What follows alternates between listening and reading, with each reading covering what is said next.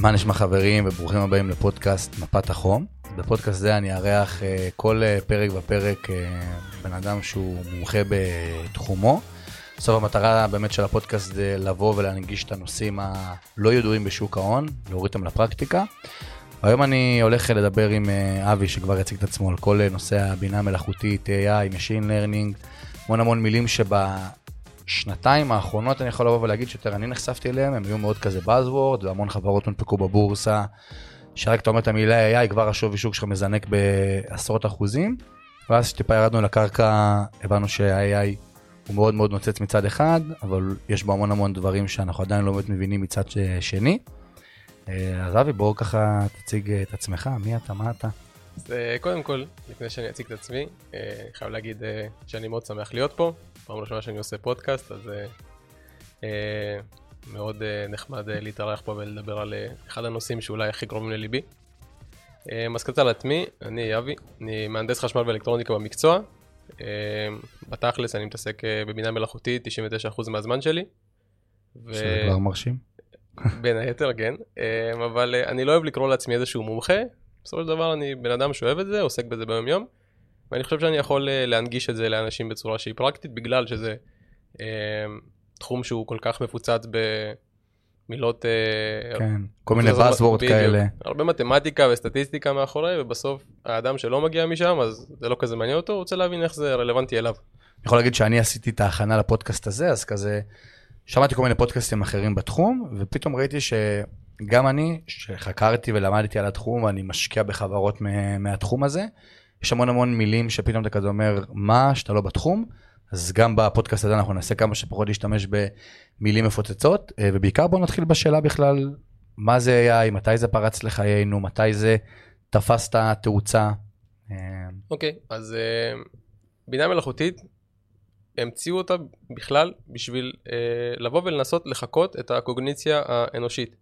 המטרה בסופו של AI בשורה התחתונה היא לבוא ולעשות פעולות שאנחנו כבני אדם יכולים לעשות ולחסוך אותם מאיתנו בין אם זה אה, אה, נהיגה אוטונומית שמתפתחת עכשיו נכון. בין אם זה כל מיני אה, זיהוי תמונות בצורה אוטומטית כל דבר שאנחנו אנשים יכולים לעשות בינה מלאכותית באה כדי לעשות את זה הרבה יותר טוב מאיתנו והרבה יותר מהר מאיתנו. מתי הבינה המלאכותית פעם ראשונה הוזכרה אי פעם אני שמעתי משהו על שנות החמישים שהזכירו את הבינה המלאכותית, אבל איפשהו זה צבר תאוצה כזה באזור 2012, 13, 14, באזורים האלה, אז מה באמת גרם לקפיצה? מי הייתה חברת דגל בתחום? אה, מה היא ניסתה לבוא ולהשיג? אז אה, באמת אה, באזור שנות החמישים של המאה הקודמת, אז התחילו ממש לדבר על המושג הזה שנקרא בינה מלאכותית. ג'ון מקארתי הוא זה שבעצם טבע את המונח הזה. אמ, ובאותה תקופה אנשים לא ממש הבינו מה זה. אני יכול להגיד שגם היום אנשים לא ממש מבינים מה זה, אז כאילו, אז תחשוב מה זה היה בשנות ה-50. בכלל, חשבו שזה משהו מהירח נפל עליהם. לגמרי. אמ, ובשנות ה-60 בעצם התחילו לדבר על תת תחום של בינה מלאכותית שנקרא בעצם אה, למידה עמוקה. עכשיו, למידה עמוקה היא בעצם מטרה ליצור איזשהו מודל מתמטי שיכול לחקות את הצורה שבו המוח האנושי חושב. בעצם המוח שלנו מורכב מנוירונים וכולי. נכון. אז באו וניסו ליצור איזשהו מודל מתמטי, סטטיסטי, שיכול לחקות את הצורה שבו המוח, המוח האנושי עובד, וקראו לו אה, רשתות עצביות.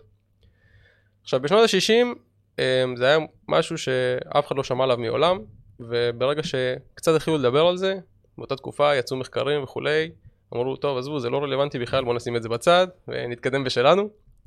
כאילו, אתה אומר כזה, העלו את זה לתודעה בשנות ה-50-60, שכחו מזה, אתה יודע, דיברו על זה בקטנה, שכחו מזה, אמרו לזה, טוב, סבבה, זה קיים, טוב, מי הנביא הלא נורמלי הזה שמדבר על המילה הזאת, וזה כאילו חזר לתודעתנו מתי, בתקופה האחרונה? אז אני חושב שבאמת אה, הקפיצת אה, מדרגה באמת המשמעותית ביותר בתחום הזה קרתה באזור 2010 אה, פלוס מינוס. שמה קרה אז? אולי טיפה לפני. אמ, הצליחו להוכיח שבעצם רשתות עמוקות, אה, רשתות שמבוססות נוירונים, יכולות לעשות כל מה שבני אדם עושים בצורה הרבה יותר מהירה. אמ, איך הדבר הזה התחיל בכלל? יש איזשהו מאגר נתונים שנקרא ImageNet, מאגר נתונים, ובעצם יצרו איזושהי תחרות. איך אנחנו יוצרים אה, מערכת מבוססת אה, רשתות נוירונים, שיכולה לזהות את התמונות האלה. עכשיו, תחשוב שאתה היום, אה, לצורך העניין, נוסע ב... באיזשהו רכב, סבבה. אה, שהמטרה שלו בעצם לנהוג לבד, בלי התערבות ידי אדם.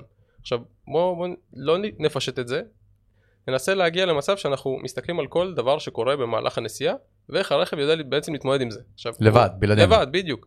אתה נוסע, פתאום יש רמזור. יש, נוסע, יש הולך רגל. יש הולך רגל. במפר, כאלה. נכון, צריך להסתכל על הנתיבים. כל הדבר הזה, הוא מצריך בעצם בסוף שימוש ב, אה, בבינה מלאכותית. בראייה ממוחשבת, ברשתות עמוקות. זה כאילו שדרוג של המובילאיי שיש היום. כאילו המובילאיי היום יודעת לראות שאתה כזה סוטה מנתיב, מתקרב יותר מדי לרכב במהירות כאלה, זה כאילו הקפיצת מדרגה. כן, עכשיו, אני, ספציפית מובילאיי, אם כבר הזכרת, הם לא כזה יודע, כאילו באמת, אני לא יודע מה, מה היתרון שלהם היום בשוק. כי בסוף טסלה עושה הכל, נכון, עושה רושם, אז אני לא יודע, קטונתי, אני לא יודע, אולי הם מפתחים איזה רכב אוטונומי מטורף ואף אחד לא יודע. בחללית אוטונומית. בדיוק, ש... אני מניח שזה מה שהם עושים, אבל אני לא יודע, כאילו, זה גם איזשהו דו-שיח שניהלתי לא מזמן עם, אה, עם בחור, ודיברנו על זה של, אבל איפה כל החברות שכאילו מנסות להתחרות עכשיו בטסלה, שטסלה כבר יש לה מוצר מוכח בשוק. נכון. הנהיגה אוטונומית כבר, כאילו, יש לה בטא די רצינית בצפון אה, אמריקה, כאילו, הדבר הזה עובד, ראיתי סרטונים, זה... כן. זה קיים לחלוטין. לגמרי, זה גם כאילו בסן פרנסיסקו ספציפית כבר יש מכוניות אוטונומיות לחלוטין. אז בוא שנייה תמשיך בהסבר על המכונית אוטונומית וכאילו איך הדבר הזה עובד ואיך בסוף הבינה המלאכותית. כי כשאני שומע בינה מלאכותית אני אומר, טוב, כאילו איך הרכב בסוף, שאני בתור חיי אדם יפקיד את החיים שלי ברכב, שהאם הוא יודע לעצור לפני במפר, הוא יודע להאט, יודע לעצור במעבר חצייה. כאילו גם ברמה הרגולטורית, כאילו שמדינה תבוא ותגיד, וואלה, אני לוקחת את האחריות ואני מוכנה שזה יבוא ויקרה. נראה לי זה הפער היותר מרכזי מאשר הטכנולוגיה. כאילו בקטע הזה. יש בעיה עם נקודה רגולטורית, מה, ש, מה שהרגע הזכרת, אמ, באמת יש, יש אה, ספציפית במכוניות אוטונומיות, אתה צריך בסוף לקחת אחריות, אותה חברה, טסלה צריכה לקחת אחריות על אם פתאום המכונית שלה עושה תאונה, דורסת מישהו, הורגת מישהו, מי, מי בסוף ייתן אה, את הדין על זה, את הדין על זה, בדיוק. כן. עכשיו, הרגולטורים היום, חייב להגיד שהתחום הזה של הבינה מלאכותית הוא די פרוץ, זאת אומרת אין חוקים מוגדרים, קשה גם באמת להכניס את זה לאיזושהי מסגרת. לגמרי. אז כרגע, אתה יודע, מנסים לייצר איזה שהם תקנות ואיזה שהם חוקים סביב זה. Um, אני לא יודע לאן זה יתפתח, אני מניח שבסוף יצליחו להגדיר משהו ברור, כי אי אפשר לתת לזה ככה להיות uh, פרוץ ושכל אחד יעשה מה שבא לו בתחום הזה. Um, אז כאילו אתה אומר ש-AI בגדול, זה אתה לוקח תוכנת מחשב שאני עד היום לא הביא לך דברים האלה עובדים לעומק, אבל בסדר, אני לא בתחום הזה, אני יותר משקיע בחברות האלה, פחות עובד בחברות האלה. וכאילו אתה אומר, לוקחים איזה תוכנת מחשב, איזה למידת תוכנה, תקרא לזה בשפה המקצועית שאתה משתמש בה, וכאילו מאמנים אותה על מודל סטטיסטי שבסוף יודע לבוא ולחזות אחוזי הצלחה. כאילו זה לא במאה אחוז, יש דברים שכאילו באים ומתפקששים, אבל כאילו המטרה של ה-AI זה לבוא ולחזות סטטיסטית כמה שיותר את אחוזי ההצלחה. אני חושב שאם אני, נעשה עכשיו ביחד איזשהו, נקרא לזה דמיון מודרך של איך עובדת אה, מכונה שהיא לומדת, מ-0 ל-100. ניקח סתם איזושהי אפליקציה שעולה לי ככה עכשיו בראש, לצורך העניין, אני רוצה, אני רוצה לפתח סטארט-אפ שלוקח תמונות uh, רנטגן של רגליים לצורך העניין, ויודע לזהות אם, זה, אם יש שבר או אין שבר. סבבה. עכשיו תחשוב על זה ככה, אנחנו צריכים ליצור איזשהו מודל שלפני הכל, הבסיס של כל התחום הזה הוא דאטה. אז אני צריך למצוא עכשיו המון המון המון המון תמונות רנטגן, גם של רגליים שבורות, גם של רגליים לא שבורות, ולאמן את המודל. סבבה. יפה. אימנתי את המודל, לצורך העניין, קיבלתי אחוזי הצלחה, לא יודע כמה, 98 אחוז, שזה נחשב גבוה, אבל יש יעידו שלא, ובאמת האחוז, השני אחוז האלה מ-98 ל-100 זה...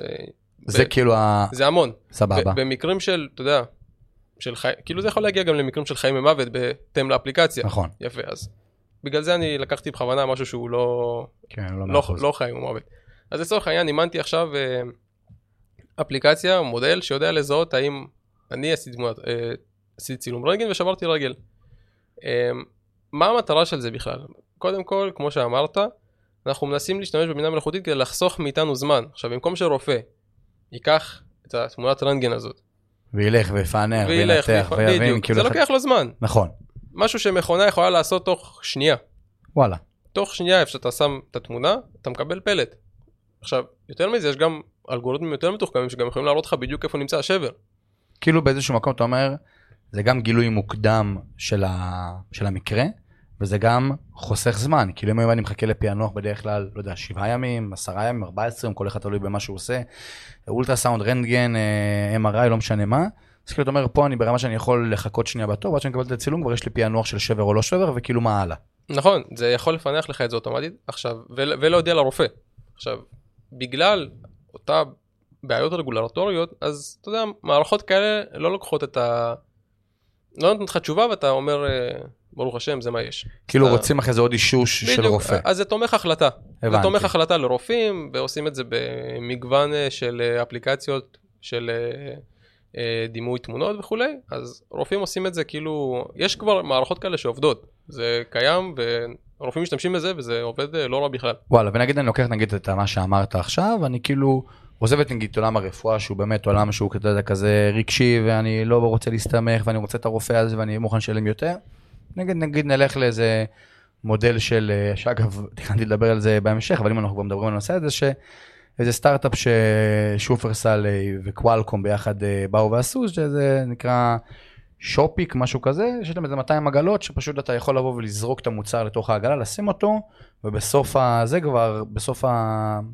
טיול שלך בסופר, לא יודע איך לקרוא לזה, יש לך כבר את החשבונית ואתה כבר יכול לשלם, כאילו שם, נגיד והחברה באה ואומרת, אני מוכנה לסטיית תקן של אחוז, שני אחוז, בשביל לחסוך את כל הכוח אדם ובשביל לחסוך את כל ה... אה, ולאמץ אינטגרציה. אתה כאילו אומר שבאזורים האלה, דווקא כן יהיה יותר אה, אימוץ של הטכנולוגיה ב-100%, ובאזורים של הרפואה יהיה טיפה אימוץ, אבל כגורם 106 ולא כגורם אה, מחליט ב-100%.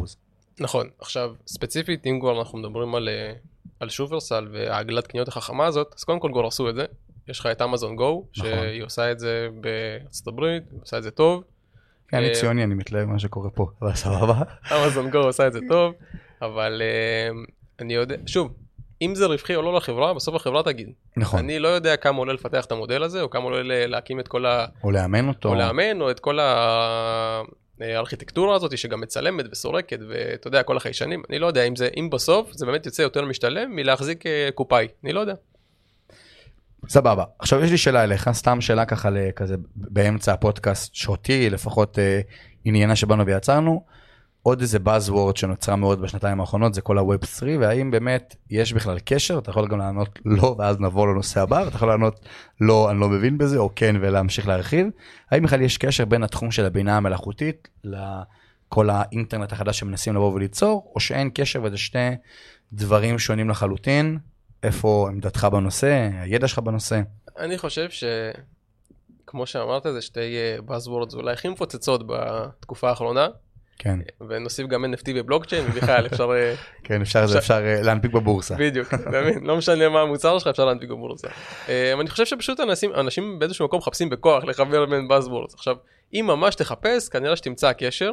סבבה. מאוד מאוד קטן, שוב, לדעתי. יכול להיות שמישהו אחר יחלוק עליי ויגיד, לא, אתה לא מבין, זה... כן. יש קשר שאי אפשר להתעלם ממנו. אני אישית לא רואה את הקשר. סבבה, ואז ענית ככה בקצרה ו... וטוב מאוד. עכשיו טיפה נחדור יותר פנימה. הבנו שבינה מלאכותית זה, זה מעין איזה אימון מודל שבא לחזות בצורה סטטיסטית ולנסות כמה שיותר. היום סתם שאלה אם יש איזה מודל שהוא 100% כאילו ברמת האמינות שלו בשוק, או שזה תלוי מוצר, תלוי פרויקט, יש דבר כזה? אז זה בדיוק כמו שאמרת, זה תלוי מוצר ותלוי פרויקט, ויכול להיות שאני עכשיו ארצה להקים איזושהי מערכת שיודעת לזהות אה, אנשים אה, מתביעה לצורך העניין ותתריע, אבל המערכת הזאת לא תתאים לי למשהו אחר. אז זה חד משמעית פר אה, פרויקט ופר אה, הבעיה שאנחנו מנסים לפתור. וגם עבור בעיות שונות אז גם יתאימו אה, מוצרים שונים ש... או מודלים שונים עם אחוזי, אה, אחוזי אה, סטייה שאנחנו מוכנים לקבל אותם שזה סבבה מבחינתנו. כן שכאילו החברה תבוא ותגיד סבבה אני מבינה כן, בדיוק. על השני אחוזים האלה אני מוכנה על זה בדיוק. כי ב... ברווח שלי בקצה זה חוסך לי המון אז על השני אחוזים האלה אני מכניסה את זה. איזה תחומים היום אתה רואה נגיד שהבינה המלאכותית באה לידי ביטוי בפרקטיקה כבר ברמת השימוש יומיומי שלנו. סתם לצורך הדוגמה, אה, כל העניין של ה-Face ID, זה משהו שקשור לבינה המלאכותית, זה, זה אימון מודל, היום אתה נכנס לגלריה שלך באייפון, אתה כבר רואה שיש לך תמונות שהן מחולקות לפי אנשים. כאילו, זה גם חלק מה-AI, אבל מאוד מאוד בפשטות שלו? באיזשהו מקום כן, זה סוג של uh, זיהוי פנים כזה, פייסבוק עשתה את זה מזמן, כשאתה זוכר בתקופה של התמונות בפייסבוק היה לך מסך uh, כאילו ריבוע כתום כזה סביב הפנים. נכון. אז זה מגיע כבר משם. אה. הדבר הזה הוא קיים, אה, משתמשים בו. עכשיו, עושים היום בינה מלאכותית, כנראה כמעט בכל דבר. אה, מזיהוי פנים, לעיבוד שפה טבעית, לצ'טבוטים שמדברים איתך ב- כאילו- באתרים, להכל. כאילו נגיד הצ'טבוט הזה שאני לא יודע, אני רושם נגיד למשולם, למערכת סליקה, אז אין להם מענה, אין להם כמעט מענה טלפוני, אז כאילו אם אני, ואם משולם שומעים אותי אז ויש לכם מענה טלפוני אז תגידו לי מה המספר שאני אדע כאילו להתקשר אליכם, אבל כאילו נגיד אתה אומר הצ'טבוט כזה שעונה אוטומטי וכזה שואל שאלות ומכווין אותך לשאלה הבאה, זה גם איזה סוג של AI, אז כאילו הלומדה היא, אנחנו חווים אותה ביום יום, אנחנו לא יודעים שקוראים לזה AI ופשוט מפתחים את זה כל הזמן. לא, לא תמיד, ספציפית צ'טבוטים, יש גם צ'טבוטים שהם נקרא לזה יותר טיפשים, שהם פשוט, אתה מגדיר להם מראש שאלות ותשובות, כן. ואז הם כזה, כן. אה, פשוט אה, מגדירים לך מה הם יודעים ומה הם לא יודעים, אבל צ'טבוטים שבאמת מבוססים AI, אתה יכול ממש לנהל איתם דו שיח, בהתאם למה שאותו צ'טבוט אומן עליו. עכשיו אם אתה מוכר נעליים, אז אתה לא תדבר איתו על, אה, לא יודע, השפעת אה, עליית המחירים אה, בארצות הברית, אתה תדבר. איתו על נעליים. כאילו אתה אומר, אז המודל הזה הוא גם מאוד מאוד באיזשהו מקום מוגבל, אלא אם רוצים לבוא ולהרחיב אותו. כאילו נכון. אני, אני אחדד את השאלה, נגיד כמו שאמרתם, אני מאמן את המודל שלי על X, ואני פתאום זולג ל-Y, אז יש פה בעיה. נכון, אז כאילו, זה כן מנסה לחקות את הבן אדם, אבל בסוף אין מה לעשות, זה לא, לא יחליף אותנו, כי אם נגיד מדבר איתי על נעליים, מדבר איתי אחרי זה על משבר הנפט ב- והגז ברוסיה, אז אני כן יודע לבוא ולענות לך, אבל אתה כאילו אומר, כשאני מאמן מודל, אני מאמן אותו על מוצר אחד ספציפי. האם אני יכול לאמן מודל אחד על כמה אה, מוצרים כאילו, שכל כן, מודל לגמרי. אם, בוא נצטרך, בוא נדבר, אתה יודע, בוא נפוצץ עכשיו עם עוד buzzword, יש את סבבה. ה-chat GPT. אוקיי, ה-chat GPT, אתה יכול לדבר איתו כנראה על הכל. עכשיו, המודל הזה, הוא אומן על הכל. אז אתה. יכול לדבר איתו על הכל. הבנתי, אז אתה כאילו אומר כמה שיותר אני מאמן את המודל, ככה הוא יותר אה, נמצא כאילו, ויותר יודע לתת לי תשובות. זה לא רק כמה, ש... כמה יותר מבחינת זמן, זה גם על כמה רחב הדאטה שאתה נותן לו להתאמן עליו. אז אתה כאילו אומר שהיום תכלס חברה חדשה, סטארט-אפ, לא משנה מה. ככל שיש לו יותר דאטה, כאילו דאטה זה מעין איזה הזהב החדש שהחברות מחפשות. דאטה זה ממש ה- המטבע החדש, אני לא זוכר מי אמר את זה, אבל מישהו אמר, מישהו כאילו מפורסם אמר ש... כן, אז אני שמעתי, אני יכול להיות מישהו מפורסם, אבל אני שמעתי שהוא אמר, לא זוכר מי, לא זוכר גם שזה היה מישהו מפורסם, שמעתי באיזה פודקאסט שכאילו, אם פעם הזהב היה קרקעות, וכאילו מי ששלט בעולם זה מי ששלט בקרקעות, אז היום זה דאטה. היום מי ששולט בעולם זה מי ששולט בדאטה, בדיוק. וגם זה מחזיר אותי לחשש הרגולטורי, כל כן. מה שקרה עם ה-iOS 16 וחצי ואפל ופייסבוק והאיסור של אה, הרגולטור של פייסבוק לרכוש, לרכוש את רובלוקס ודברים כאלה. זה נטו מהפחד שלחברות הגדולות יהיה דאטה עצומה, שתגרום לה לדעת עלינו כמה שיותר דברים. זה כאילו הפחד מצד אחד של הרגולטור, ומצד שני הרצון של החברות לקבל כמה שיותר דאטה ממוצרים שונים. אה, כן, מעבר לזה ש...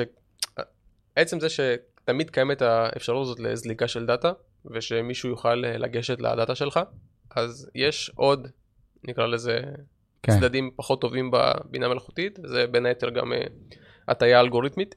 תחשוב שבעצם אתה מאמן מודל, סתם יותר קל לדבר על דוגמאות, כי אני חושב שזה יותר אה, ברור, יורד מה. לפרקטיקה. לגמרי. תחשוב שאתה אה, מאמן איזשהו מודל שיודע לתת ציונים למבחנים של תלמידים.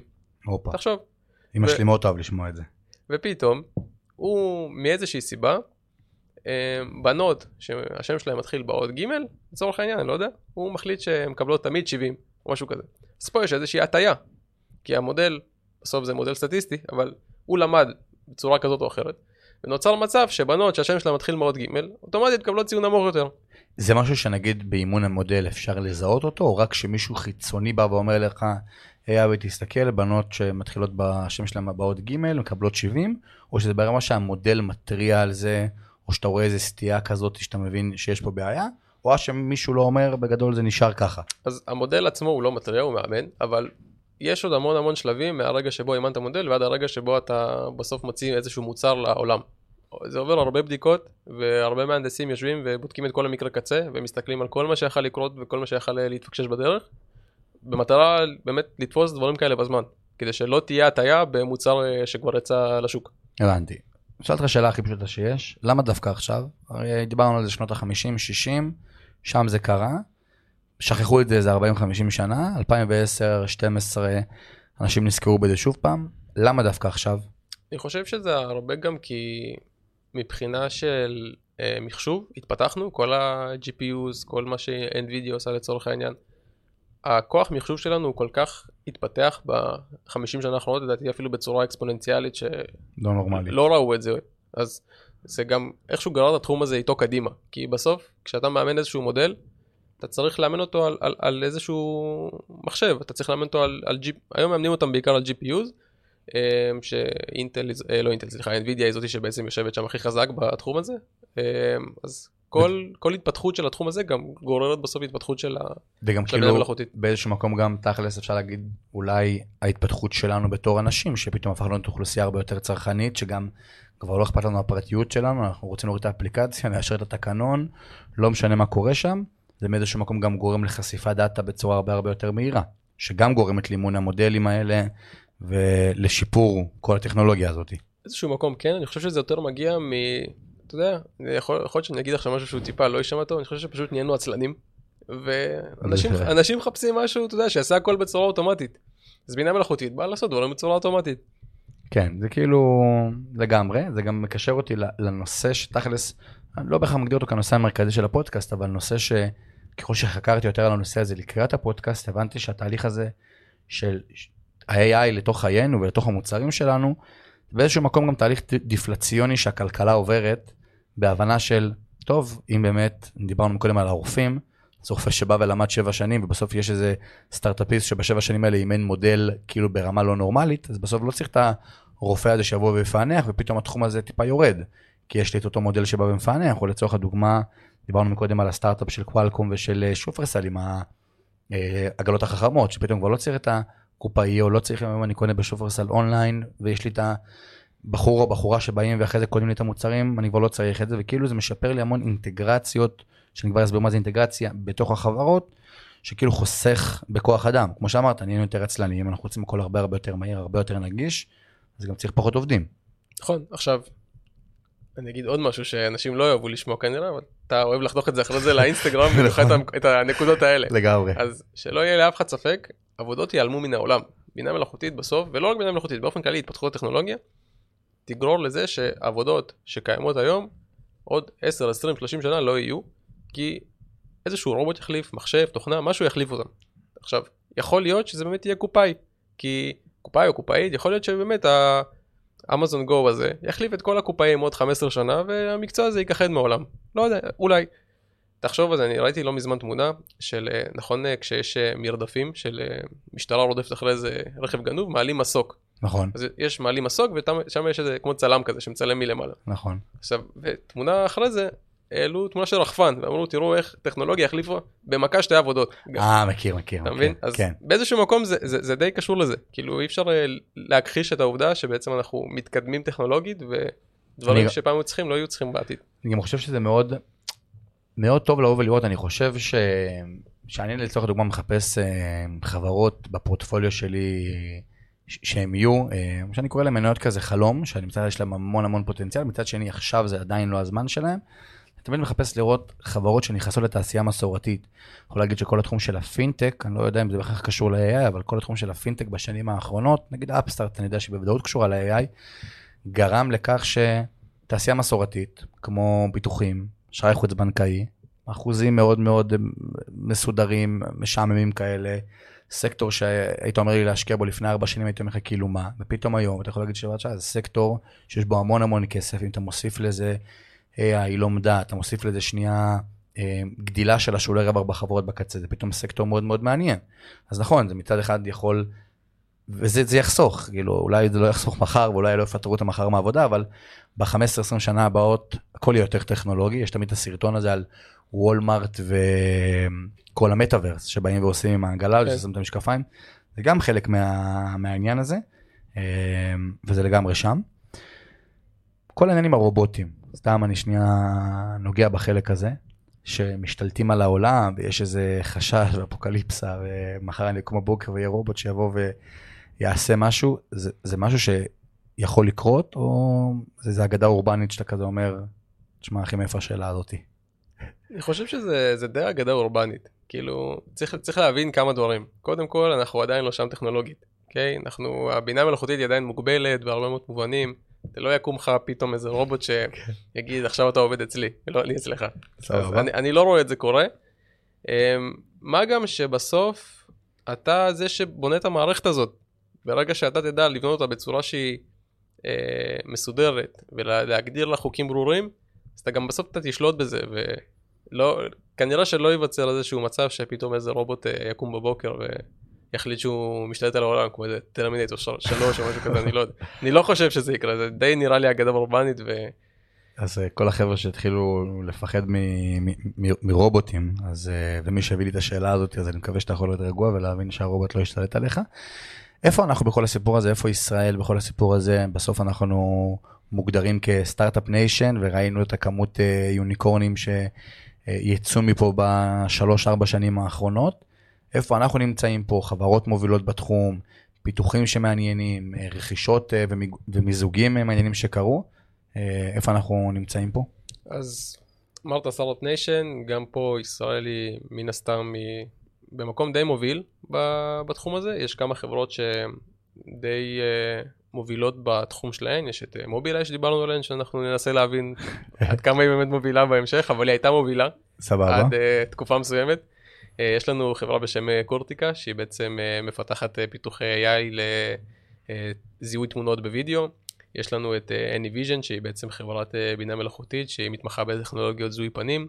יש לנו חברה שנקראת uh, XM Cyber שהיא מתמחה בפיתוח פתרונות לאבטחת סייבר וגם בזה אנחנו משתמשים בבינה מלאכותית כדי למנוע התקפות וכולי. Uh, ובטוח שיש עוד הרבה חברות שאני גם, כנראה גם לא מכיר שהן... Uh, אני שמעתי על חברה בשם אנפוריקה, אני מקווה שאני אומר את המילה, את השם שלהם נכון, כי אני לא בטוח.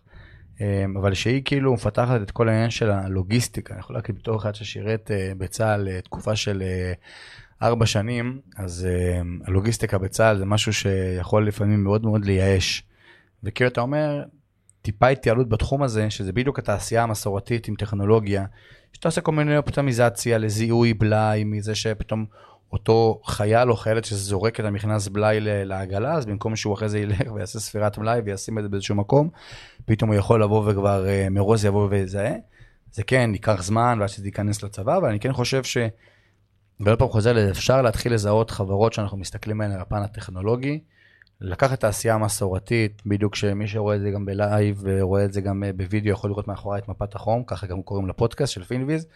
ולזהות פה את הסקטורים היותר דפנסיביים, יותר מסורתיים, ששולי הרווח שלהם די נשארו אותו דבר בעשור האחרון, ורוב הכסף שהן נותנות למשקיעים זה בדיבידנד. ופתאום לזהות כל מיני שת"פים כאלה, וכל מיני חברות שעושות רכישה מסוימת, ודווקא שם אני חושב שזה יבוא ויהיה. כן, צריך לבוא ולהבין את ה... וזו גם השאלה הבאה שלי אליך, שבסוף אין מספר קצה, אבל העלות של כל הדבר הזה והתחזוק של המודל, כמה כוח אדם זה דורש? זה דורש בן אדם אחד שיתחזק, זה דורש עשרות מתכנתים, זה דורש כאילו כמה זה נמצא, ובסוף אין ספק שהחברה בקצה צריכה לבוא ולהבין האם בשולי הרווח זה עוזר לה או לא עוזר לה, אבל כמה זה בכלל עולה, תחזוק של מודל כזה, כמה בכלל אה, אנשים צריך סביב זה, זה שגר ושכח, איפה זה נמצא? אוקיי, okay, אז הכי קל לבוא ולדבר על ה-chat GPT בתור איזושהי דוגמה, כי זה מספר שרץ עכשיו ברשת, נכון. ולקח אה, עלה לאמן את המודל הזה 4.6 מיליון דולר. אוקיי? על פניו זה זהו. בפועל יש חברות שמגייסות בשווי של אה, מאות מיליוני דולרים בשביל לפתח מוצרים מבוססים אה, בינה מלאכותית. נכון. עכשיו, האם זה בסוף משתלם לחברות או לא? אני לא יודע, הן צריכות להסתכל על כמה עולה להם לעשות את אותה עבודה שבינה מלאכותית עושה בצורה ידנית, בין אם זה לקחת, אה, סליחה על הביטוי, חבורה של כן. עובדים זולים, נקרא לזה ככה, ולשלם להם לעשות את מה שבינה מלאכותית אמורה לעשות, יש חברות שעושות את זה, שהן מספרות כאילו בינה מלאכותית עושה את זה, אבל בפועל יש, יש להם... להם איזה חבורה של 40 אה, הודים שבאים בדיוק. ועושים את הדבר הזה. בדיוק, יש חברות שעדיין עושות את זה.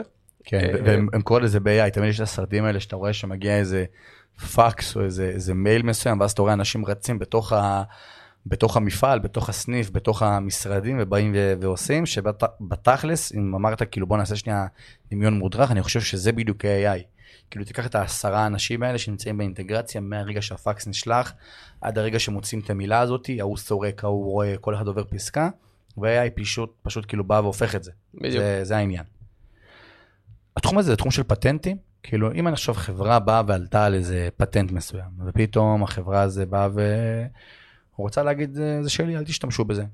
יש לה בכלל את הזכות, זה משהו שהוא קיים, זה כאילו, יש לזה בלעדיות או שזה מצאתי, טוב, חסרתי לכם זמן, תעתיקו ממני. אז ממה שאני יודע, אמ, היום לא, ניתן, לא ניתן בכ, כאילו לרשום פטנט בצורה ישירה לאלגוריתם, כי בסוף אה, אלגוריתם זה משהו שאתה איזושהי תוכנה שפיתחת וכולי.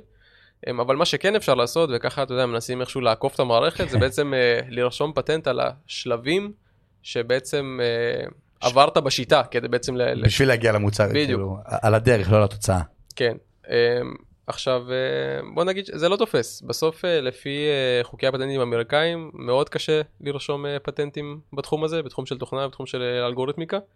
Uh, ואנשים גם די מתבלבלים היום בין... בין uh, תוכנה שהיא כאילו מבוססת uh, למידת מכונה או בינה מלאכותית לבין uh, כל תוכנה אחרת, כי בסוף תוכנה זה בעצם איזשהו אובייקט מוגמר. נכון. ואלגוריתמים זה משהו שאתה, שמבוסס מתמטיקה, משהו שאתה פיתחת וכולי, ומה מונע מישהו אחר לפתח אותו. כן, כאילו בתכלס... מתמטיקה. כן, לגמרי שם.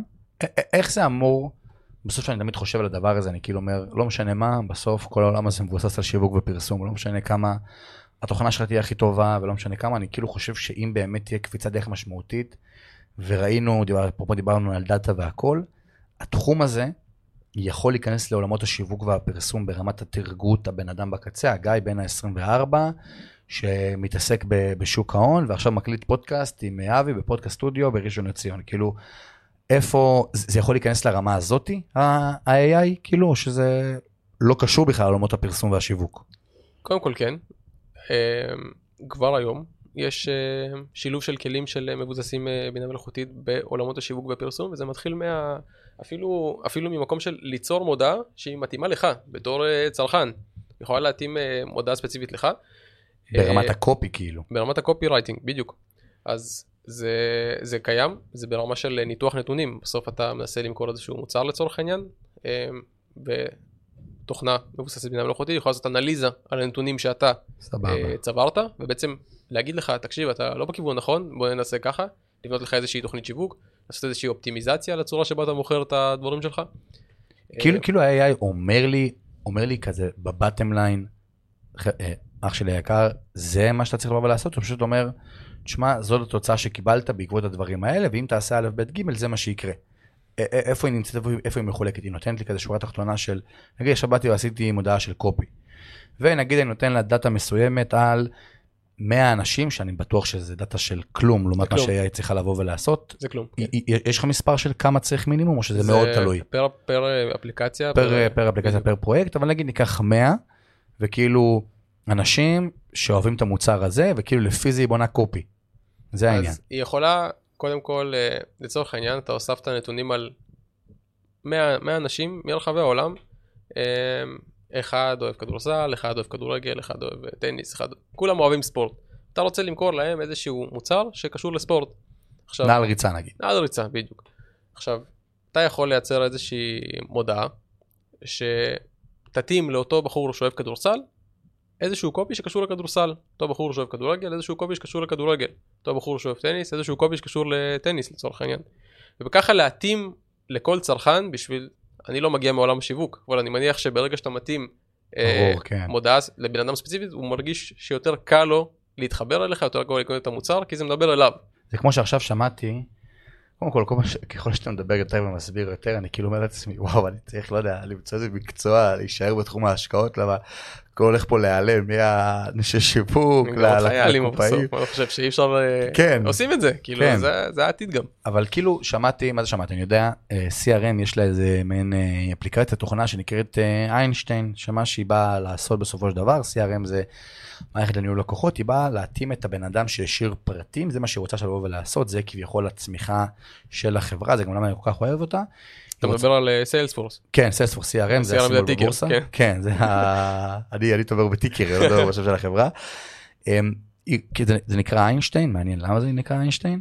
שכאילו היא, היא באה לנסות לבוא ולהתאים את אותו לקוח שהשאיר פרטים לנציג שיחזור אליו. מה הכוונה ואני אסביר. נגיד, אה, אני עכשיו, לא יודע, סבתא בת אה, 70 ואני השארתי פרטים, אז מה יותר הגיוני שיחזור אליי?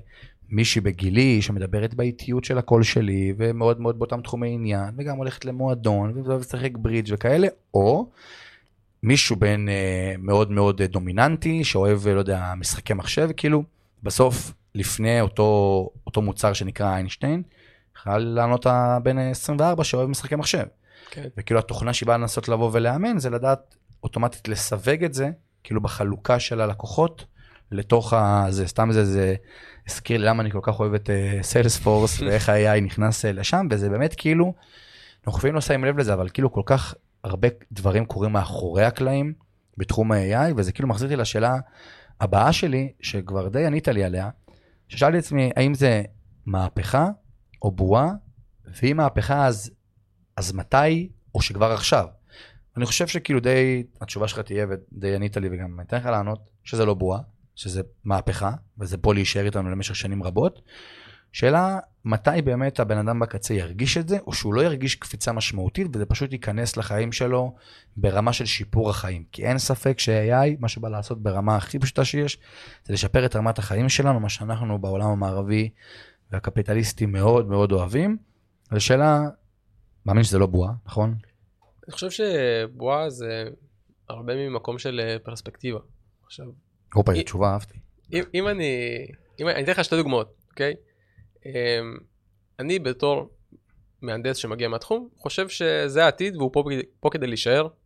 מצד שני, הבועה היא מגיעה ממקום של אנשים שלא מבינים את התחום, ונוצר איזשהו אייפ סביבו, שבסופו של דבר אנשים יתאכזבו.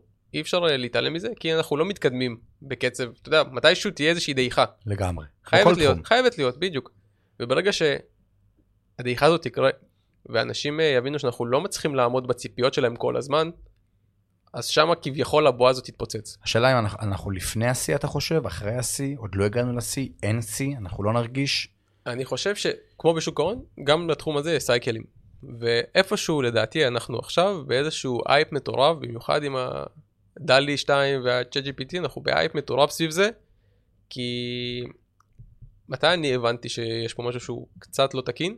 ברגע שאתה מכיר את ה... יש איזה טרנד עכשיו של כל האנשים שמעלים תמונות של האבטרים שלהם וכזה. כל, כל מקום, כל פוסט שני באינסטגרם זה. כן. וברגע שאתה רואה את זה, ואנשים כותבים כאילו ב description, AI is the future, ובן אדם אפילו לא יודע מה זה בכלל. כן. והוא אחרי זה ישמע את הפודקאסט הזה וישלח הודעה של היקר יש אותה שאתה מביא את זה בטלפון של אבי, אני לא יודע מה זה AI. אתה מבין? עכשיו, אה, למה זה כל כך מזכיר לי? כי אם אתה זוכר, אה, מרץ 20, הייתה נפילה של הקורונה.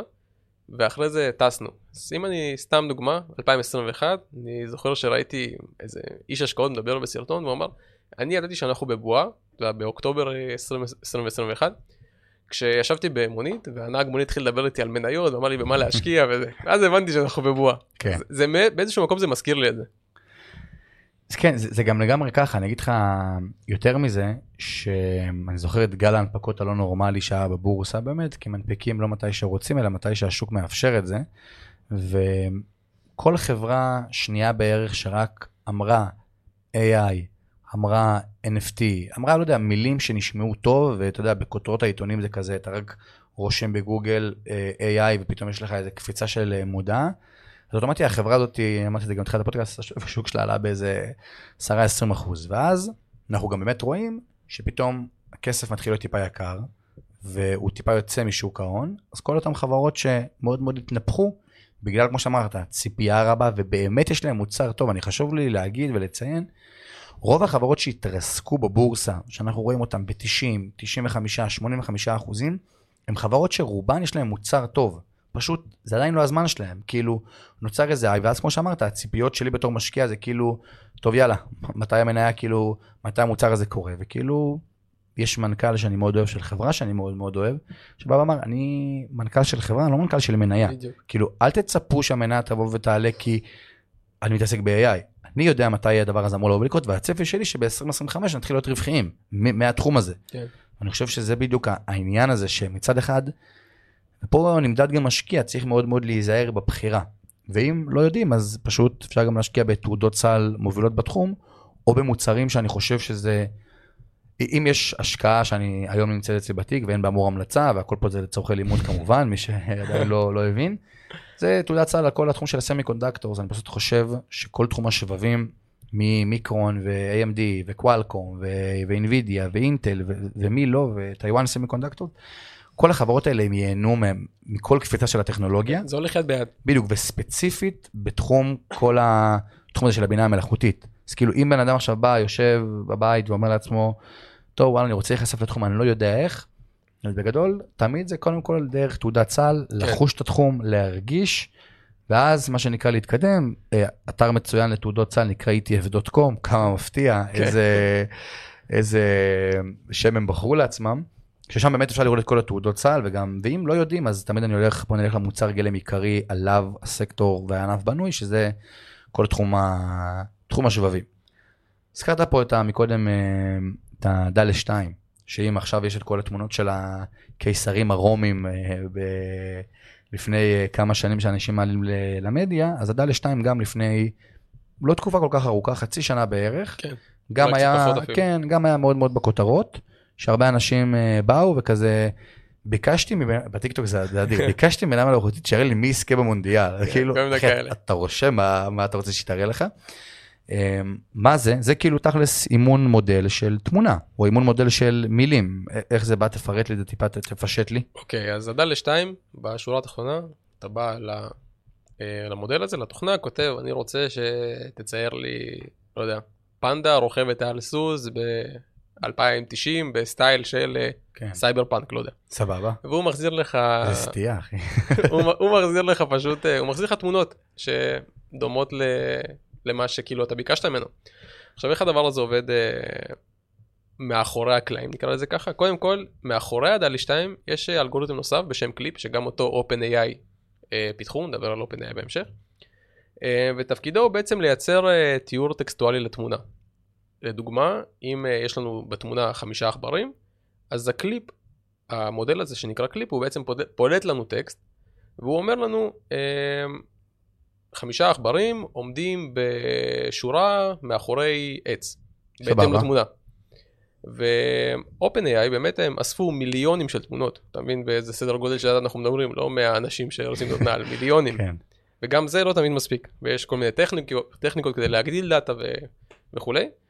אמ, אז היא בעצם אספה מיליונים של תמונות מרחבי האינטרנט, יחד עם התיאור שלהן, כל תמונה באה עם התיאור, שמסביר בדיוק מה קורה בתמונה, וככה היא יצרה איזשהו אלגוריתם שיודע אה, את הקשר בין תמונות לבין התיאור שלהן. אתה יודע, זה, זה מזכיר לי עכשיו, אה, תמיד באינסטגרם, שאתה, שאתה, לא יודע אם אתם יודעים את זה, אבל כשאתם מעלים פוסט והכל, אז אותו, רשום לכם שאתם יכולים להוסיף כאילו טקסט לתמונה. הרבה זמן לא הבנתי למה בכלל אינסטגרם מבקש שנוסיף טקסט לתמונה. שזה מתחבר למה שאתה אומר, כאילו אומרים שזה מה שיכול לבוא ולעזור לקדם. נגיד סתם, העלית עכשיו תמונה, אז תרשום, גיא נתן, לא, יודע, בחור צעיר, לא גיא נתן כזה, אבל בחור צעיר שותה כוס יין על רקע של אה, ערים מאחורה, וכאילו ככה התוכנה מאחורי הקלעים יודעת, אתה אומר במילים אחרות, לבוא ולזהות את מה שקורה שם, ושיש לה כמה שיותר תמונות כאלה, אה, היא יודעת תכלס לבוא ולקדם את התמונה או דברים כאלה, אחלה, אחלה צוקרברג שהוא חשב על זה. כן. פה יש לנו את OpenAI שזה בעיניי החברה הכי מתקדמת. תפרט עליה, ספר עליה קצת. בכל מה ש... אוקיי. אמ, OpenAI נוצרה, איך לא, אילון מאסק כן. אה, וחבריו. על פניו זו חברה ללא מטרות רווח, זאת אומרת היא נוצרה למטרות אה, פילנטרופיות. על פניו. לא יודע, אני לא, כן. לא, לא, לא נכנס לזה. אה, במטרה באמת לקדם כמה שיותר חזק את, את תחום הבינה המלאכותית. ואי אפשר לפספס את המוצרים שהם אה, משחררים, גם בין אם זה הדלי 2, בין אם זה ה-chat GPT, בין אם זה מוצרים אחרים שהם הוציאו, אה, שהם אולי פחות סקסיים, אבל הם אה, לגמרי מהפכניים בתחום שלהם. ומאידך, יש לנו, אתה יודע, חברות כמו גוגל, שזה ענקיות, טכנולוגיה, שבאיזשהו מקום יש פה איזושהי תחרות והם קצת לא עומדים בתחרות הזאת. כי עובדה, OpenAI הוציאה את ה-JGPT, וגוגל אה, ספגה עם זה די מכה. זאת אומרת... אה, כן, גם היה שם כל מיני כתבות uh, לאחרונה, ואני חושב שכאילו מעין נוצר פה איזה אוקיינוס כחול, שמהר מאוד הפך לאדום, כל הקרשים הגדולים בתחום נכנסו, בין אם זה אינווידיה, כן. שאני יודע שהיא באמת חברת שבבים מובילה בתחום, ובין אם זה מייקרוסופט וכל התחום הענן, AWS וכל הנושאים האלה. שבאמת גרמו פה לחברות להבין שוואי, יש פה המון כסף על הרצפה, זה גם יכול לגרום לשפר את uh, רווחי החברות, וכאילו, בסוף, תחשבו נגיד על חברה, ששנים מנסה להשתפר ברווחיות שלה, והיא לא מצליחה, לא משנה מה היא עושה בתוך ההתייעלות של החברה, מנסה לצמצם עובדים, מנסה לצמצם פה את העלות של המוצרי גלם, אבל בסוף עושה תהליכים מאוד מאוד מיושנים בשביל שהיא תהיה יותר רווחית. פתאום מכניסים לה טכנולוגיה, שאומנם היא תעלה להם בטווח הקצר הרבה מאוד כסף, אבל בטווח הארוך הולכת לפתור להם המון המון דברים.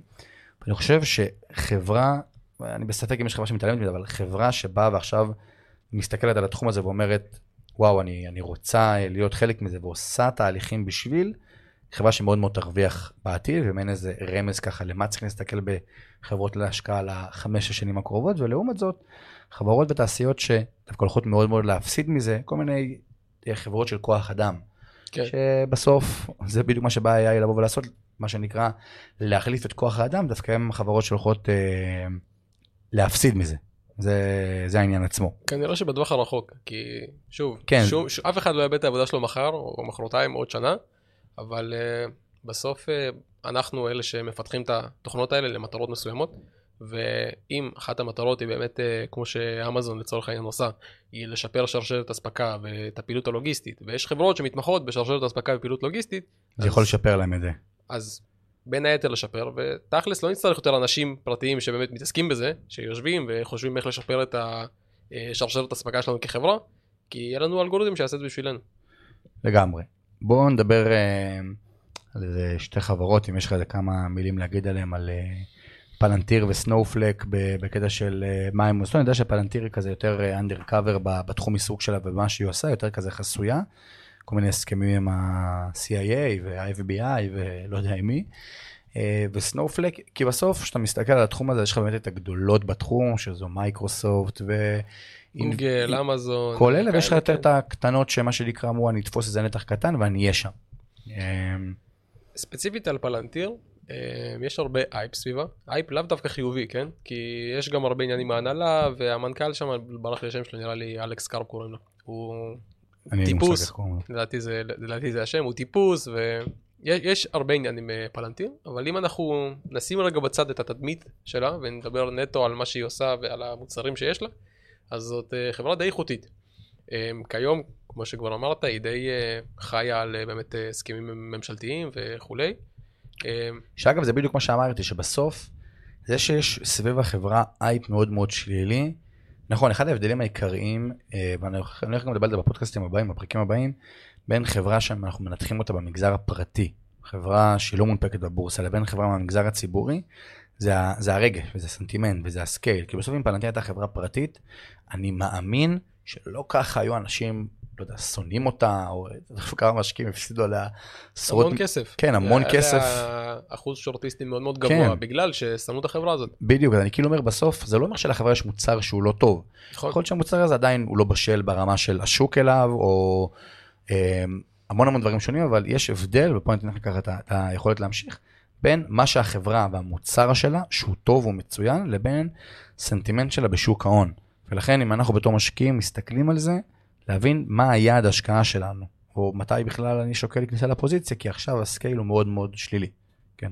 עכשיו ספציפית על פלנטיר, אה, אם אנחנו כבר אה, מדברים על אה, מתי להיכנס לפוזיציה ודברים כאלה, אני חושב שאתה יודע, יש את המשפט המפורסם הזה, תקנה כשיש דם ברחובות, כל מיני כאלה, אז פלנטיר זה כבר לא דם ברחובות, כאילו שחטו אותה. כן, כאילו, אין, פה, אין פה כבר... ביתרו את הגופה והביאו נבלות לאכול לה אותה. כבר לא נשאר דם בחברה הזאת. אבל אם אני בא ומסתכל נטו על המוצרים שלה, ויש לה מוצרים טובים, ומעבר לזה שגם החבר'ה שם שעובדים בפלנטיר, אנשים מוכשרים, זו חברה גדולה בסוף, נכון. זה לא נכון. איזה small cap, איזה כן. משהו ש-30 עובדים שם, כן. חברה רצינית. זה ארבעה עובדים שזוכרים uh, משרדים ומגייסים. כן. אז זו חברה רצינית, עם מוצרים רציניים, עם חוזים שהם נחתמים ועוד עם גופים מוסדיים כמו CIA ו-FBI, תאמינו לי, ואני בטוח ש... וקטונתי מלהיות אה, ראש ה-CIA, אבל שאולי הוא חותם עסקה עם איזה חברה נכון. פח. פשוט, אה, אתה יודע, יש scale. סנופלייק? סנופלייק אני פחות התעסקתי איתה. אני חושב ש... בסך הכל היא חברה טובה. היא אה, מתעסקת בעיקר באחסון נתונים, והיא מבוססת ענן. הבנתי, זה כאילו יותר חברה של תחום הענן. נכון, אבל היא משתמשת באמת בבינה מלאכותית בסוף כדי גם לשפר את היעילות שלה וגם בשביל המוצרים שבסוף היא משתמשת.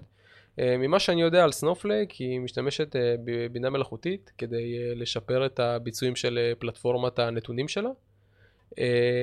ובעצם באותה פלטפורמה, אז אנחנו יכולים לאפשר למשתמשים לגלות ולנתח נתונים בקלות רבה יותר. עכשיו, זה, יש להם איזושהי פונקציית חיפוש שמבוססת בינה מלאכותית, ובעצם משתמשים יכולים לכתוב דברים ספציפיים, ובגלל הבינה המלאכותית, אז זה בעצם שולף את הדאטה בצורה נוחה יותר, מהירה יותר. פחות יצא לי להתעסק עם סנופלייק, אני גם לא משקיע בה. כן, זה... בגילוי נאות כזה. בגילוי נאות. אמ, בגדול, אני, אני יכול להגיד על, על תחום הבינה המלאכותית באופן כללי, שבכוונה בחרתי לעשות את הפרק הראשון שמתעסק בתת סקטורים, כי בסוף בינה מלאכותית אין סקטור כזה בשוק ההון, זה קשור, סקטור. כן זה קשור, המון אנשים, תגיד גם, מה הסקטור של בינה מלאכותית? אין סקטור. אין סקטור, יש חברות. בגלל זה גם אין תעודות סל טובות בעיניי, כן. בתחום הזה, כי זה לא, אין, פלנטיר סבבה, אם מתעסקת בבינה מלאכותית, אתה יודע, par excellence. אבל נכון. שאר החברות, אני יכול להגיד לך נטפליקס, יש לה בינה מלאכותית, ספוטיפיי יש לה בינה מלאכותית, אבל בסוף זה לא חברות בינה מלאכותית. בדיוק. חברות שמשתמשות לצרכים שלהן. יפה, ואני חושב שאתה נוגע פה בנקודה שבסוף כל בן אדם שמחפש להיחשף לתחום, וזה, דיברנו על זה כבר, אז פחות להיחשף לחברה הספציפית, כי רואים, רואים מה קורה לחברות שהן AI, שהן עדיין לא מוכנות, ואני בטוח שעוד עשר שנים קדימה נראה את החברות האלה צומחות וגדלות ומתקדמות הלאה. אלא יותר לבוא ולחפש את ה... או גדולות בתחום, או תעודות סל שקשורות לתחום, אבל אין עכשיו תעודת סל שתרשום AI וזה יוביל לך את כל הזה. יש חברות לא, שמתעסקות בתחום. ואחת הסיבות העיקריות שבאמת בחרתי לעשות את הפרק הראשון, אה, זה כבר הפרק הרביעי, כן, אבל הפרק הראשון שנוגע בסקטורים ספציפיים על בינה מלאכותית, כי קודם כל זה אותי מאוד מאוד עניין, ואני יכול להגיד לך שלמדתי המון היום, ויש לי עוד המון המון אה, נושאים גם אה, לבוא ולדבר עליהם. אני חושב שבצורה הכי פשוטה, אה, אם אני הייתי שומע את הפודקאסט הזה, אני כאילו עשיתי אותו, אז אני גם אשמע אותו, אבל עשיתי אותו. אז באמת בהבנה של בסוף AI הוא בא לשפר את רמת החיים שלנו, הוא בא לעשות אינטגרציה ואופטימציה מלאה, שתי מילים מפוצצות, אבל uh, uh, חיפוש קצר בגוגל יראה לכם מה זה, uh, מלאה uh, בכל התחומים, גם מסורתיים וגם פחות מסורתיים, בא לחסוך בעיקר, uh, בעיקר זמן. Uh, ממה אבל צריך להיזהר? בסוף דיברנו פה על היתרונות ועל הדברים הטובים שהמוצר הזה עושה ואיך זה מקדם את העולם. בסוף, ממה צריך לבוא ולהיזהר, בין אם זה מאיזה, לא יודע, כל מיני buzzword שדיברנו עליהם המון בפודקאסט הזה, או בין אם זה דברים ספציפיים, שאתה אומר, חבר'ה, אם אתם שומעים את זה, או אתם רואים את זה, תתרחקו, או זה לא AI בכלל, וסתם מנסים למכור לכם את זה. ממה צריך להיזהר בעולם הזה? אני לא חושב שיש buzzword ספציפיים שיש מה להיזהר מהן, אלא פשוט אה, להבין מה הן אומרות, זה דבר ראשון.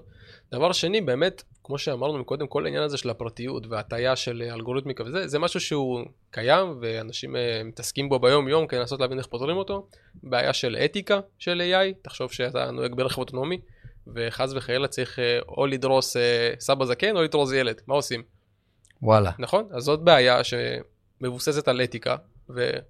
שזה בסוף אי אפשר גם ללמד את התוכנה כאילו נכון אתה יכול ללמד את התוכנה לדרוס את הסבא לצורך הדוגמה אבל זה לא זה לא אתי נכון שום דבר פה אתה מבין אז כן. נשים לפתור את כל הסוגיות האלה. אמ, אני חושב שזה בעיקר ממקום של אה, להבין מה באמת בינה מלאכותית באה לעשות. ו... מה היא באה לפתור ואיך היא תבוא לפתור את זה. בדיוק. אתה חושב שאבל הרגולטור בקצה הוא משהו שיכביד כי בסוף רוב החברות שיהיו טובות בתחום של הבינה המלאכותית, הן חברות שיש להן הרבה דאטה. כן. וחברות שיש להן הרבה מאוד נתונים, אני יכול להגיד שזה באמת מה שהפחית הרגולטור האמריקאי לפני שנתיים, ואגב, עד היום, שיש את הסרט בנטפליקס, זה סושיאל דילמה, שבאמת רואים את הכיתוב המוחלט שרשת חברתית עושה. בדוגמה הזאת זה היה פייסבוק ואינסטגרם, שהן מראות לצד א' את מה שהוא רוצה לשמוע כדי להשאיר אותו בפלטפורמה, ומראות לצד ב' מה שהוא רוצה בשביל להשאיר אותו בפלטפורמה, ואני חושב שבאיזשהו מקום גם הרגולטור יבוא ויגיד כאילו, תשמע, אני פחות רוצה לבוא ולאשר את זה, הוא דוגמה קלאסית שהבאת עכשיו, את כאילו את מי אני דורס, זה כאילו נשמע הכי, כן. הכי, הכי מצחיק והכי מכחיך, אבל כאילו בקטע של וואלה בסוף אני לא יכול לבוא ולאשר את הדבר הזה, או אני לא רוצה לבוא ולסמוך על זה, כי בסוף כמו שאמרת, עכשיו החברה קרה, קרתה תאונה, והרי בסוף זה מחשב, והמחשב פתאום, השבב בדיוק יצא מהמקום, או התחמם יותר מדי, מה קורה, כאילו בסוף מי, מי מביא את הדין, אז כאילו, אני חושב שהאם הרגולטור יכול להיות פה ברמה של רגל בדלת ולהגיד חבר'ה, עד כאן? קודם כל אני חושב שבלי קשר, המטרה של רגולטור היא להקשות. נכון. בסוף הוא צריך, הוא, הוא צריך לבוא ולהגיד, טוב חבר'ה זה לא סבבה, בואו, בואו תתקנו את זה, או שזה לא עובר אצלי. וזה בסדר, כי מישהו צריך בסוף לפקח. נכון. על כל תחום, לא משנה אם זה בינה מלאכותית או הונאות קריפטו, בסדר? כן. אז המטרה של הרגולטור היא באמת להקשות על חברות, אה, במיוחד במוצרים שהם מתעסקים בחיי אדם בסוף. וזה יקרה וזה קורה, וזה חלק מהתהליך, אין מה לעשות. וחברות שבאמת רוצות להוציא מוצר שהוא טוב ואיכותי, יצטרכו להתמודד עם הרגולטור. אני לפני שהגעתי פה לפודקאסט אז קראתי איזה כתבה ככה של גרין אה, פיס שבאים ואומרים על כל העניין של הצריכת חשמל. אז היה את כל הבעיה הזאת סביב אה, עולם הקריפטו, שגם אה, צריכת חשמל מטורפת, כי בסוף הם עובדים פה בעניין של מחשוב וטכנולוגיה, דבר שצורך אנרגיה. וכל הזמן מדברים על המעבר לאנרגיה ירוקה וטסלה והכל, אבל לא, לא מבינים שליצור את הסוללה וליצור את טסלה עצמה, את הרכב, כן. לא, הרבה יותר מזהם מכל מה שהדלק נכון. שיהיה לאחר מכן. אז השאלה, כאילו, כי גם זה באיזה אחוז מאוד, אה, קראתי בכתבה, אז אל תפסו אותי על האחוז, אבל שלושה, ארבעה אחוזים בערך התחום הזה לוקח מהצריכת החשמל העולמית. עכשיו, האם זה גם עוד איזשהו מקום של כאילו, בסוף נכון, שיפור טכנולוגיה ושיפור רמת החיים דורשת המון המון אנרגיה. השאלה אם גם הרגולטור, גם כל התחום אנרגיה ירוקה שראינו כמה אנשים רוצים לעבור ועושים מהלכים ואחור באוזון ודברים כאלה, האם שני הדברים האלה באמת יכולים לבוא ולגרום ל... ופה אני, אתה יודע, חבר'ה, עד כאן. ש... אני לא חושב שזה יעצור את ההתפתחות של הבינה המלאכותית, אבל uh, אני חייב להגיד גם שהרבה חברות באמת עושות מאמצים כדי, uh, ספציפית דיברת על חשמל, אז לצמצם בצריכת חשמל, כי בסוף אתה מאמן מודל, וזה צורך חשמל, אתה משתמש בהרבה משאבים, ויש uh, פל, uh, פליטות uh, פחמן דו-חמצני וכולי. נכון. אז הרבה חברות מתעסקות היום ב... נקרא לזה אופטימיזציה של בינה מלאכותית, שזה בעצם לצמצם את כמות הפרמטרים שאנחנו מאמנים במודל, בלי באמת לפגוע באחוזי ההצלחה שלו, כדי באמת אה, לחסוך, בין אם זה בחשמל, בין אם זה לצמצם את פליטת הפחמן הדו-חמצני, ומסתכלים בסוף על, על האנרגיה הירוקה וכולי. אה, כאיזה פקטור כזה של העולם הזה.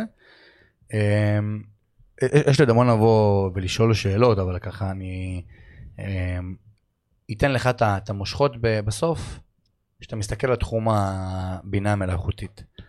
מה הבטם ליין שאתה רוצה שאותו אה, בן אדם ששומע את הפודקאסט או רואה אותנו, יבוא ויגיד וייקח מהנושא הזה. כי הבנה של איך הוא משפר את רמת החיים ומה הוא עושה, וגם את החסרונות, גם את העונות, אני חושב שהקפנו פה באמת את כל העולם הזה בשעה פלוס מינוס של פודקאסט, באמת הצלחנו לבוא ולהקיף את כל העולם הזה ומה הוא עושה. שאלה בסוף מה, מה השורה התחתונה, לאן אנחנו הולכים, איפה אנחנו עומדים, למה לצפות, אה, תן לי ככה את הנקודה שלך. אני חושב שהעתיד הוא מזהיר.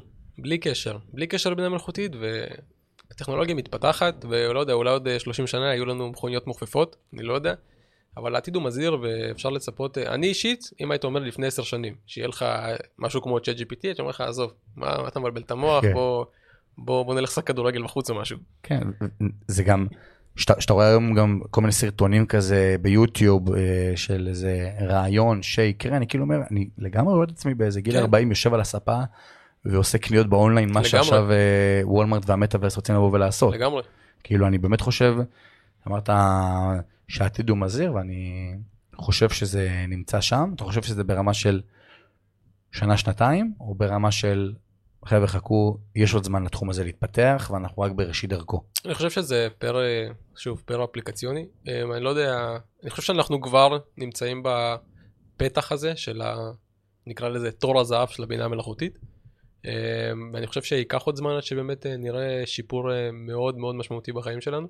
בין אם זה מכונית אוטונומית שנוסעת 100% אה, לבד, או בין אם זה כל מוצר אחר, אבל אנחנו לגמרי שם. מתקדמים בצעדי ענק לשם. ממש מתקדמים בצעדי ענק, ומצד שני, צריך באמת גם להנמיך ציפיות באיזשהו מקום, כי אנשים, במיוחד בתקופה האחרונה, רואים את הטירוף הזה סביב הדבר הזה, וחושבים שזה איזשהו פתרון קסמים להכל. או. אז זה, זה לא. כן. זה לא חושב, פתרון קסמים. אני חושב שגם נגעת בו בנקודה הכי, הכי, הכי טובה שיש, שבסוף, נכון, התחום הזה הוא מאוד מאוד קל לבוא ולהשתמש בו, אבל גם מאוד מאוד קל לבוא ולאבד את השימוש האמיתי שרצו לבוא ולעשות.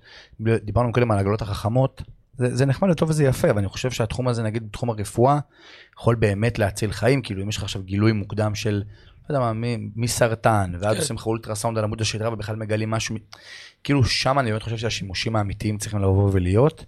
אמ, וכן, אני חושב שזה לגמרי, לגמרי הכיוון.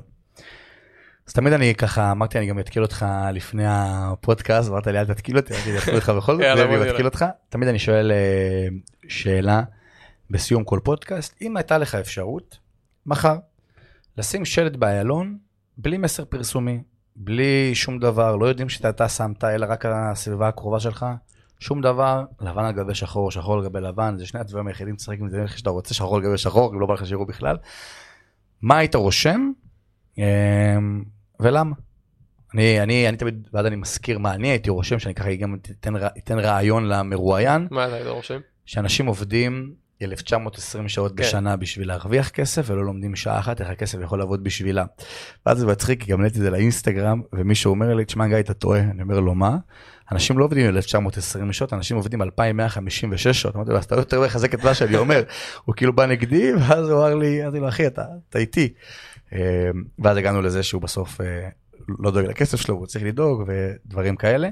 אבל זה מה שאני הייתי רושם אני חושב שמסר כזה זה מסר שאנשים יגידו וואלה אז מה, מה אתה היית רושם? לא מסר שיווקי, כי אם זה שיווקי אני מפרסם את עצמי. כן, לא מסר שיווקי. אז אם זה, אם זה לא שיווקי, אני חושב שזה אה, משהו בסגנון של אה, אל תפחדו אה, מהטכנולוגיה. זאת אומרת, יש איזושהי, אה, גם היום, גם פעם, איזשהו חשש תמיד מהטכנולוגיה, היא משתלטת עלינו, היא...